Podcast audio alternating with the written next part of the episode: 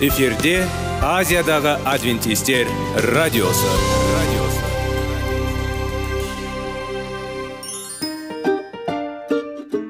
сәлем достар. Денсаулық өмір бұлағы және біздің бірінші байлығымыз демекші денсаулық сағаты рубрикасына қош келдіңіздер.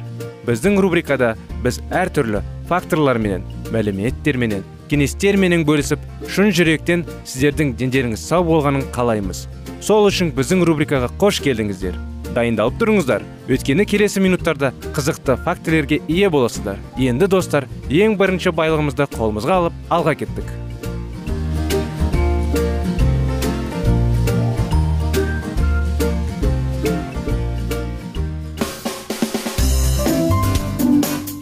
Денсаулық туралы хабар.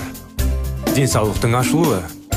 Күн сайын сөз үшін күшті кеңестер соңғы жаңалықтар қызықты факторлар. Біздің рубрикада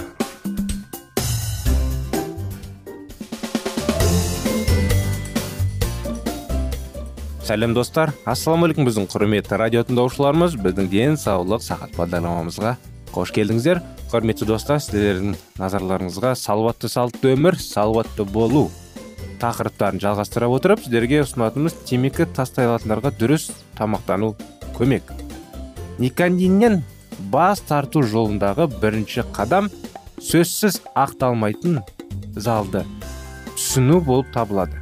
Келістіре темекі шегетін өзіне және айналасындағыларға. Көптеген адамдар сүйікті бірақ зиянды әдеттен бас тартуды оңай емес. Ал бұл налай оңай іске қарапайым өнімдер көмектесе алады. Міне темекіні тастағысы келген бірнеше кеңестер. Темекіні тастайтын адам тамырын өзгертіп оны қажетті дәрумендермен байытады. Және микроэлементтермен майлы қуырылған өткір тамақты сондай ақ тазартылған өнімдерді және пісіру үшін көп энергияны қажет етеді. Ет ақ нан тазартылған майлар қант. Күнделікті тамақтану рационында ерекше назар жасаңыз. Көкөністер мен жемістерді қолдануға көптеген компоненттер осы өнімдерде қамтылған маңызды рөл атқарады. Ауыз қуысы жұтқыншақ обыр ауруларының алдын алу көмей өкпе сүт безі өнеш асқазан аш және тоқ ішек. Темекі шегуден бас тартудың алғашқы 24 сағатында суды жеміс және көкөніс шырындарын тұтыну ұсынылады. Ағзаны әдеттен өтуге дайындау үшін жаңа тамақтану көкөністерді жемістер мен шырындарды пайдалану синдромында жеңілдетеді. Темекі шегуден бас тартқан кезде пайда болатын сондықтан біздің жақында темекіні тастағысы келетіндер алғашқы күндері жеміс жидектер мен көкөністерді тамақ ішуге ұсынылады. Қарапайым және жаңа салаттарға артықшылық беріңіз. Көкөністердің балдыркөк қияр кабачкалар бұршақтар спаржы дейді ғой қырыққабат барлық тәтті оның ішінде майлы өнімдер мидағы рахат орталығы белсендіріледі. Денені қанықтатырып олар көңіл күйді көтереді адамға ләззат қажет. Темекі шегетін адам үшін ең жақсы қуаныш әрине темекі дейді. Аптасына екі рет сіздің диетаға ресцветнік тұқымдас көкөністерді қосыңыз. Әртүрлі қырыққабат. Ұлттық экология институты жүргізген зерттеулер қырыққабат обыр ауруларының алдын алудың тамаша құралы дейді. Бұл көкөністе изотоцианаттар антрикатты заттар бар. Рак клеткаларының өсуі және олардың көбеюіне кедергі келтіретін.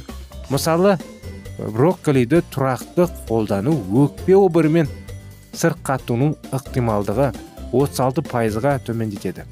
Бұл қырыққабат құрамында сульфорапин бар жасушаларды қорғайтын нрф 2 генінің белсенділігінің артылған химиялық зат токсиндермен зақымдануды ал жеңіл ең шылым шегушінің осал жері бірақ сіз жиі аласыз тіпті егер брокколи тонна қырыққабат толығымен шығаруға көмектеседі денеден никотинді.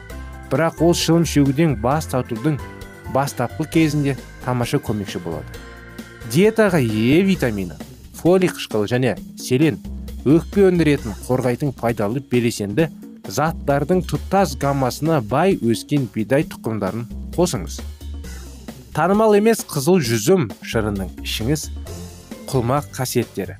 Жүзім шырыңда әсіресе оның қызыл және қара шалғын жидектеріне жасалған түрлерінде конкорд сортының антиоксиданттары бар. Ресвераторлар және флавонидтар әсіресе темекі шегушілерде өкпе обырымен ауру қаупін төмендетеді. Оны тастап темекі шегуге. Бұдан басқа жүзім құрамында шырынға пайдалы заттар тромбтардың пайда болуы қаупін төмендетеді. Нашар холестерин деңгейін зақымдануды болдырмайды. Жүрек тамырлары қан қысымын қалыпқа келтіруге көмектеседі. Жидектерді пайдалану алдында имбирь. Темекі шегуге тарту кезінде мұздың орнына жана тамырдың бір бөлігін пайдаланыңыз. Және тілек шылым біртіндеп жібереді. Күнделікті қолдану бал мен лимоны бар зімбірден жасалған сусын сізге тауықтың қиын кезінде шылым шегуге деген құштарлықты жеңуге көмектеседі. Ғылымдардың пікірінше бұл тамырда пайдалану атеросклероздың дамуына кедергі келтіреді және кейбір қатерлі ісіктер. Дегенмен зімбірді қолдануға кейбір қарсы көрсетілімдер. Сұлы назар аударыңыз. Бұл астық ағзадағы алмасу процесін жақсартады. Табетті басады деп есептеледі және темекіге тарту. Сұлы шай түрінде қолдануға болады. Бір асқана сұлы дәліндерінің дәндерінің қасық екі стакан ыстық су құйып түнде талап етеді. Таңертең ерітінді жеті минут қайнат ішеді. Оның дәмі өте ерекше дегенмен бұл ол темекіге тарту азайтуға көмектеседі. Сонымен қатар сұлы ботқасын өте пайдалы және диеталық өнімде қолданыңыз. Құрамында қажетті микроэлементтер мен дәрумендер бар. Токсиндермен күресуге және оларды ағзадан шығаруға көмектесетін бағалы талшықтар өсімдік талшықтары. Есіңізде болсын жаңа піскен және мұздатылған жемістер мен көкөністер төмен калориялы өнімдер болып табылады. Бірақ клетчатка су және микроэлементтер бай. Бұл қасиеттер оларды жасайды. Дене салмағын және тәбетінің төмендеуін бақылауда әсіресе артық теруге қауіптенген адамдарға темекі шегуден бас тартқаннан кейін салмақ. Мінекей осындай кеңестер осындай тақырыптар біздің бағдарламада салауатты болып салауатты өмір салты жайлы. Құрметті достар денсаулықтарыңыз мықты болсын өздеріңізде жақындарыңызда. Сонымен құрметті достар келесі жолға дейін сіздерге сау саламатты болыңыздар дейміз. Келесі бағдарламада сіздерді қуана қуана күтеміз.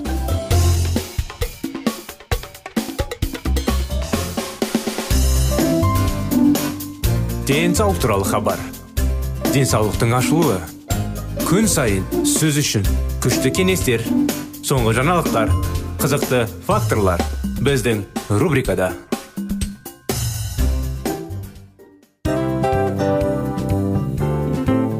Әуелі байлық денсаулық екінші байлық он саулық үшінші байлық ақ жаулық. Ал енді осындай радио парақшадан кейін не дейміз? Барлықтарыңызға денсаулықтарыңыз зор болсын деп тілейміз. Денсаулықтың өзгеруі кішкентай нәрселерден басталады. Осымен біз берген кеңестер мен мәліметтер шын жүректен сіздер үшін қандай да бір болсын жәрдем берді деп үміттенеміз. Тыңдаушыларымызбен келесі радио парақшасына дейін қоштассамыз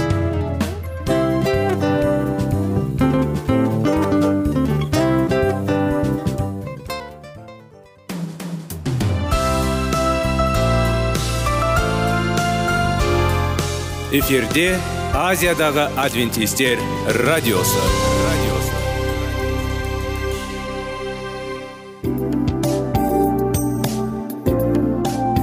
Сәлем достар. Барлықтарыңызға шын жүректен сөйлесек рубрикасына қош келдіңіздер деп айтпақшымыз. Шын жүректен сөйлесек бағдарламасы әртүрлі қызықты тақырыптарға арналған. Шындығында шын жүректен сөйлесек деген сөздің мағынасы екі достың екі адамның ортасындағы шын жүрекпен сөйлесуі бір біріне сенуі ашықтық пен шындықты білдіреді. Сол үшін біздің бағдарламалар әртүрлі қызықты тақырыптарға арналған. Дайындалыңыз жаңа қызықты мәліметтерге ие болуға. Ондай болса кеттік.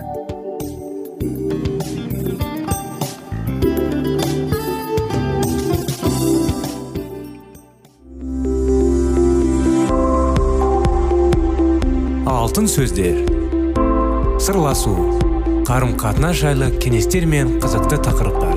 Шын жүректен сөйлесейік рубрикасында.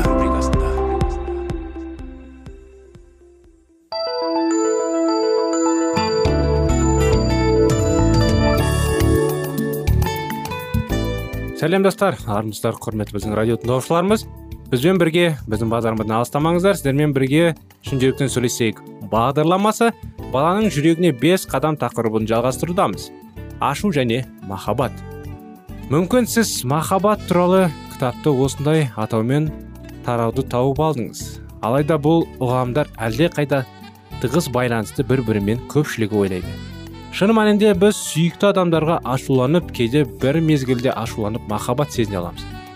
Ашу өте күшті сезім. Ол әкелуі мүмкін. Отбасылық жанжалдарға қатыгездікке балалармен қатыгездікке. Ұрысқа біздің қоғамның көптеген мәселелеріне ашуыза. Алайда біз ашуыза әрқашан зұлымдық емес екенін түсінуіміз керек. Егер оны бейбіт арнаға бағытса ол біздің көмекшіміз бола алады. Өйткені біз қымбат адамдардың әл уақытына қауіп төндіретін әлдегіздікті көргенде жиі ренжісеміз ашу ызаның жоғары мақсаты үшін бізде әрекетке итермелеу. Мұндай әділетсіздікті түзету зұлымдыққа қарсы тұру. Мүмкін сіз жас жүрекшілік қарсы ана қауымдастығының қызметі туралы естідіңіз. Рөлдегі маскүнемдер біздің жолымыздың нағыз шайқасы. Бұл қауымдастықтағы балалары дөңгелектің астында таза қаза тапқан әйелдер құрды.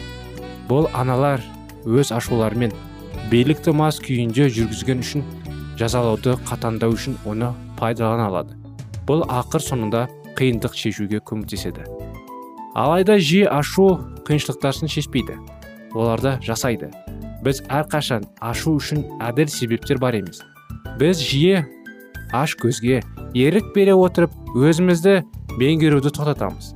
Адам ақыл ойдан айырылып қайыру жолына түсіп жағдайды осылайша түзету мүмкін емес. Сонымен қатар біз басқа адамдардың құқықтары мен құқықтарын әрдайым дұрыс түсінбейміз және нәтижесінде әділетсіздікке жауап береміз. Сіздің балаңыз қауіпті. Біз оны өзімізге және қоршаған ортаға зиян келтірмегендей етіп қалай білдіру керектігін түсінеміз. Егер біз ата аналар бұл сезім үшін не екенін және онымен қалай күресу керектігін білмейміз. Біз және балаларға олар ашуланған кезде не істеу керек деп айта алмаймыз. Өйткені біз ересектер мен балалар күн сайын осындай сезімдерді сезінеміз. Мүмкін егер мен балаларыңызға қауіп төндіретін басты қауіп қатер олардың ішінде тұрғанын айтайын. Және бұл қауіп ашу. Егер бала оны шеше алмаса ол ішінен өзін бұзады. Ашу оның қиындықтарының ең жиі себебі. Егер бала өзінің ашылуын білмесе нәтижесі мектептегі жаман белгілер тіпті өзін өзі қол жұмсау болуы мүмкін. Баланы өзінің ашуынан қорғау үшін барлық мүмкіндіктерді жасау керек. Егер сіз баланы ашуларыңызды дұрыс білдіруді үйретсеңіз мұндай қиындықтар туындауы мүмкін емес. Өмірлік қиындықтардың көпшілігін ескертуге болады. Бала өз өзіне қарсы емес игерді пайдалана білу керек. Ересектер мен ұялар. Біз ата аналар өз ашуларымызды және білуіміз және оны ешқашан балаларға құлыптапау өте маңызды. Өкінішке орай үлкендерге ғана өз сезімдерін бақылауға қабілетті. Көбінесе олар тіпті түсінбейді. Ашу ыза бейсаналы көрінеді. Сонымен қатар көптеген ересектер өз эмоцияларын білдіруді үйренген жоқ. Мұның бәрі жұбайымен және балалармен қарым қатынасқа әсер етеді. Типтік мысал қарыстырайық. Сонымен кеш джексон отбасы жұмыстағы орылғаннан кейін жеф джексон теледидарға шаршап қонажайға отырады. Эллен оның әйелі ыдыс жууды екеуі де шаршап бір біріне риза. Кішкентай тондар ас үйге кіреді. Аналар кәмпит бола ма деп сұрайды. Біз кешкі асқа ештеңе жемейсің деп тәтті болмайды деп шешті эллен. Тони түсінеді ол кәмпиттерді тартпайды. Ол қонақ бөлмесіне жіберіледі және әкесінің назарын тартпауға тырысып кәмпиттері бар вазочканы тұрған үстелге асықпай келеді. Бірақ тек ол қолын іске қосқан кезде сіз айқайлайсыз. Бұл әлі не? Ал орнына қой. Сен анам айтқан естіген жоқсың ба? Кәмпит жоқ саған деп. Ұйықтап тони бөлмешеден шығады. Бірақ 5 минуттан кейін қайта оралады. Баскетбол доптарын едені туралы ішіп пысады мен бобиге барамын жоқ дейді. Сіз әлі сабақ жасаған жоқсыз деп. Және үйде доп ойнауға болмайтынын ескертесіз қанша рет қайталайсыз? Тони допты тышқан астына алып ас үйге барады. Анам мен сыныпта оқулық қалдырдым. Ал бізге сол жерден жаттығу жүктеді. Мен соны бобиға барып жастан оқулық жарайды. Ол осы тарихты жасайды әңгімені ойдан шығарып және уақыт сайын доп төбеге лақтырады. Кенеттен дыбыс естіледі. Тони өз допын ұстап үлгермейді сол ас үй үстеліне құлап кетті. Табақшасы бар шынаяқ бұзылды. Шағылып қалды. Сол жерде ас үйде жалған джефф ашуда. Қалай айтуға болады? Үйде доппен ойнауға болмайтынын. Ол тони жетіспейді және ас үйден тарады. Қонақ бөлмеден соққы дыбыстары тони жылаулы және джефф айқыны таратылды. Сіз қанша рет қайталайсыз? Баласын маған мойынсынуға мен тыңдауға эллен көз жасынан қашады. Джефф қол үшін жетеді айқайлайды. Қой сен оны өлтіріп қоярсың деп. Оны шетке лақтырып жіберіп джефф отыратын теледидар алдына аяқтарын қойып ары қарай тони ерінбей өз бөлмесіне барады. Эллен де жылап қалды сол жерде. Олардың барлық өз сезімдерін білдірді. Бір біріне ашуланды және отбасындағы қарым қатынас тек нашарлады. Үйдегі жағдай шиеленісіп қалды. Әркім бұрынғыдай басқада зұлым. Эллен күйеуіне ашуланды себебі ыдыс аяқты жууға көмектеспеді. Сонымен қатар ұлын ұрды джефф тониға ашулы ыза болды. Өйткені ол оның тандамды және пәтерде доппен ойнап ашуландырды. Ал тони барлығынан ашулы болды. Себебі оның теріс әрекеті мұндай жазаға лайық емес екенін ойлады. Мінекей осындай оқиға осындай әңгіме бүгін ашу жайлы. Осымен бағдарламамыз аяғына келді құрметті достар. Сіздермен бірге шын жүректен сөйлесейік бағдарламасы болды.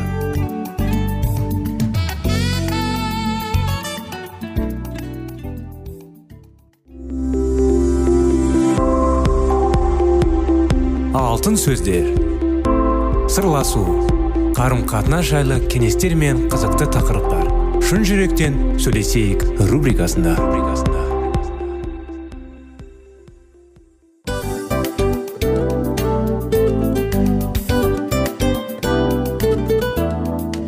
Құрметті достар барлық ең соңғы кеңестер аяқталған соң біздің программамыз соңына келіп қалды. Осы біздің мәліметтер осы рубрикада айтылған әрбір сөздер сіздерге өзінің қандай да бір пайдасын алып келді деп шын жүректен сенеміз. Және бұдан да көптеген рубрикаларымыз бар. Басқа рубрикаларымызда біздің зерттеулерімізде сіздер үшін тағы да қызықты мәліметтер дайын. Біздің шын жүректен сөйлесейік парақшамызда көптеген әдістер ең соңғы кеңестер адамның нравственность жақтан моральдық жақтан тазалап байыта тұрған соңғы кеңестердің барлығын жанарады. сондықтан алдыңғы күндерде бізбен бірге болыңыздар. Өйткені барлық қызықтар алдыда. Бізбенен бірге болғандарыңызға үлкен рахмет. Келесі кездескенімізше сау сәлемет болыңыздар.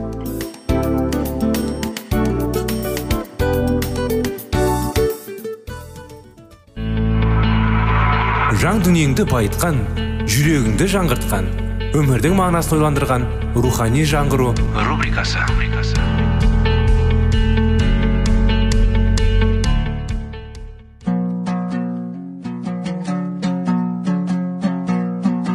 Ассалаумағалейкум біздің тыңдаушыларымыз. Келі кітаптың шындығын ашып берген қысқа бағдарламасына қош келдіңіздер. Барлығынан жоғары жаратушы біздің қарыңғылықта жалғыз қалдырып қойған емес. Өйткені ол келешекте не болу керек екенін кітаптың парақтарында ашып береді. Немесе келіңіздер бізге қосылыңыздар. Жаратушы бізге нен ашып бергенін зерттейміз. Сәлеметсіздер ме? Армысыздар. Ассалаумағалейкум біздің құрметті достар. Құрметті радио тыңдаушыларымыз сіздерді біздің бағдарламада рухани жаңғыру бағдарламамызда көргендерімізде қуаныштамыз сіздерлердің назарларыңызға сенуді қалай үйрену тақырыбын жалғастырудамыз. Мінәжаттың түрі бүгінгі сіздермен әңгімелесетініміз. Оның алдында жүректеріңді ашып беріңдер. Мұнажат біздің құдайдағы өміріміздің бір бөлігі және өмірдің өзі секілді. Ол сан қырлы және айтып жеткізегісіз. Мұнажаттың түрлері мен айтылуы момындықпен табыну мен ынтала тіпті қызу күрестің арасында құбылып тұрады.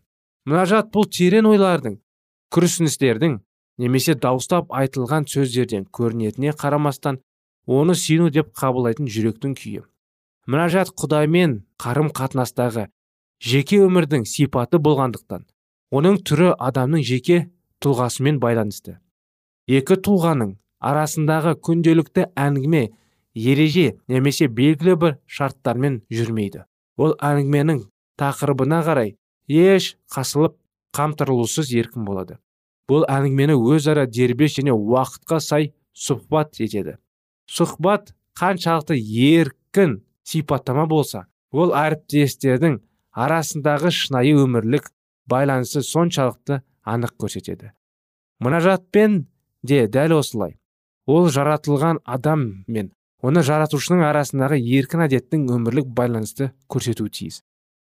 Мұнажат қаншалықты дәрежеде біздің жүргенімізде толып тұрған еркін табиғи көрініс болса ол соншалықты дәрежеде шынайы мұнажат болады. Осылайша адам жаны мен құдайдың арасындағы бетпе бет қарым қатынас болғандықтан мұнажат алуан түрлі болуы мүмкін. Бұл құдайдан келетін жан тыныштығы немесе ауыр күрсіністер не қуаныштық шаттықтың табынудың күтпеген көрінісі болуы мүмкін. Бұл жай ғана ием иса деген сабыр минуттарға немесе сағаттарға созылған тыныштыққа сұхбат болуы мүмкін. Бірақ зор жан тәбірнесінде ішкі күресте мұнажаттың түрін айқындай алады. Мұнажаттың осындай сан түрлігін біз негізгі топтарға бөле аламыз. Мысалы мұнажаттық өтініш. Бұл біздің құдайға бет бұрып бірдене сұрағымыз келетін тілегіміз. Мұнажаттың бұл түрін бірінші орында тұруы түсінікті. Келі кітапта мұнажатқа қатысты көп қолданылатын сөз негізінен біздің тілегіміздегі білдіреді.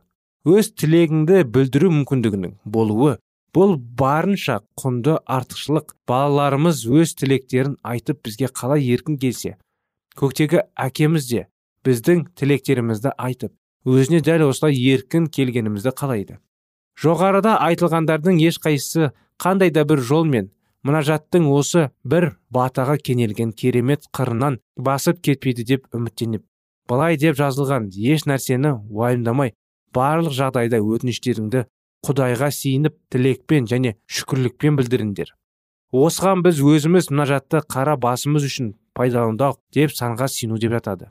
Бірақ бұдан құдайға өз тілектерімізді айтуды мүлде қойып кететіндей дәрежеде сесенудің қажеті жоқ. Құдаймен сұхбат кезінде біз мұнажатты бас пайдамыз.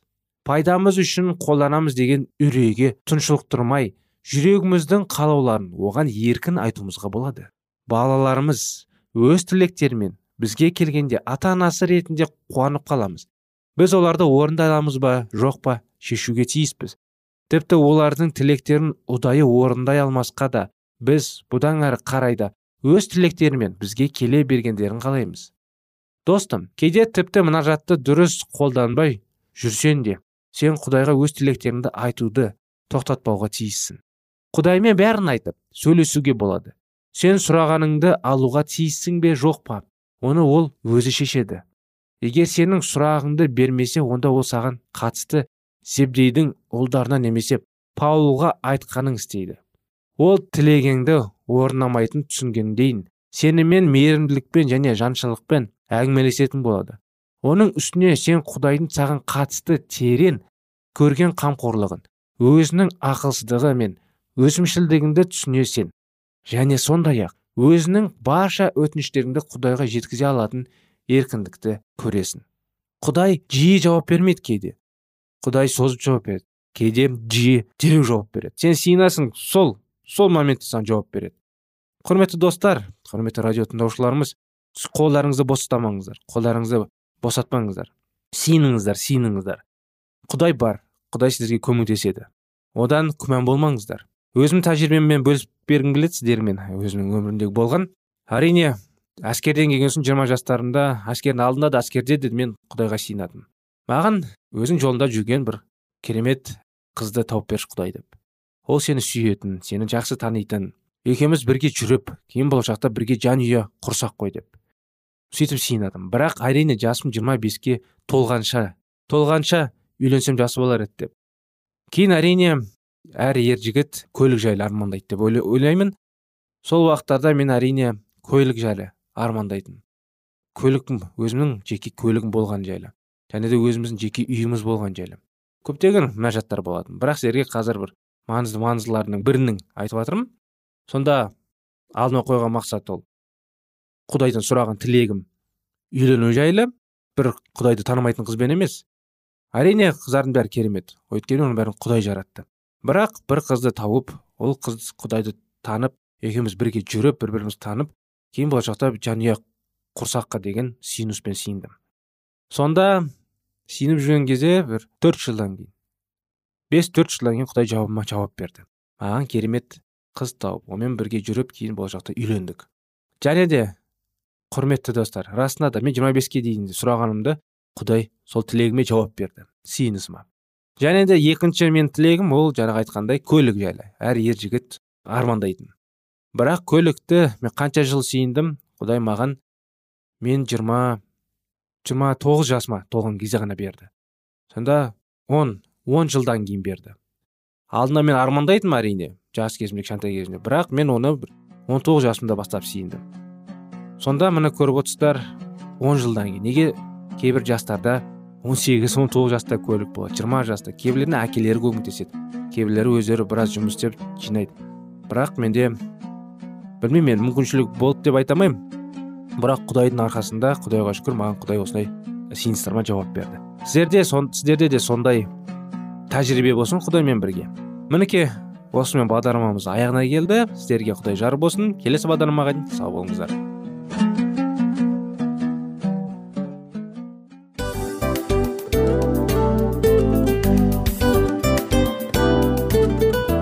Мынау осы уақыт тез өтіп кетеді екен. Біздің бүгінгі рубрикалардың аяғына да келіп жеттік. Ақпаратымызды парақшамызды қазір ғана бастаған сияқты едік. Соңында да келіп қалдық. Уақыт деген тегі білінбей өтіп кетеді екен. Бүгінгі 24 сағаттың алтындай жарты сағатын бізге бөліп арнаған үшін рахмет. Егерде өткен сфераларда пайдалы кеңес алған болсаңыз біз өзіміздің мақсатқа жеткеніміз. Кеңестерді қолданам десеңіз өзгерістерді кішкентай қадамдардан бастап іске асыра беріңіздер де жасағандарыңыз үлкен үлкен жетістіктерге жете берсін. Шын жүректен әрбір берілген кеңестер сөздер сіздерге пайдасын әкеледі деп сенеміз. Сіздермен бірге кездесулерімізді сөзсіз түрде асыға күтеміз. Сәтті күн тілеп сіздер менің ұзаққа қоштаспай келесі кездескенімізше тек қана сау саламатты болыңыздар дейміз. Достар біздің бағдарлама бойынша сұрақтарыңыз болса әрине сіздерге керекті анықтама керек болса біздің whatsapp нөмірімізге хабарлассаңыздар болады. Плюс бір үш жүз бір жеті жүз алпыс алпыс жетпіс. Иә достар сіздер қателеспедіңіздер бұл біздің номерлерге ұқсас болмаса да бұл whatsapp номер арнайы. Хабарласыңыздар сұрақтарыңызды қойып тұрыңыздар. Анықтаманы алып тұрыңыздар. Плюс бір үш жүз бір жеті жүз алпыс алпыс жетпіс whatsapp номері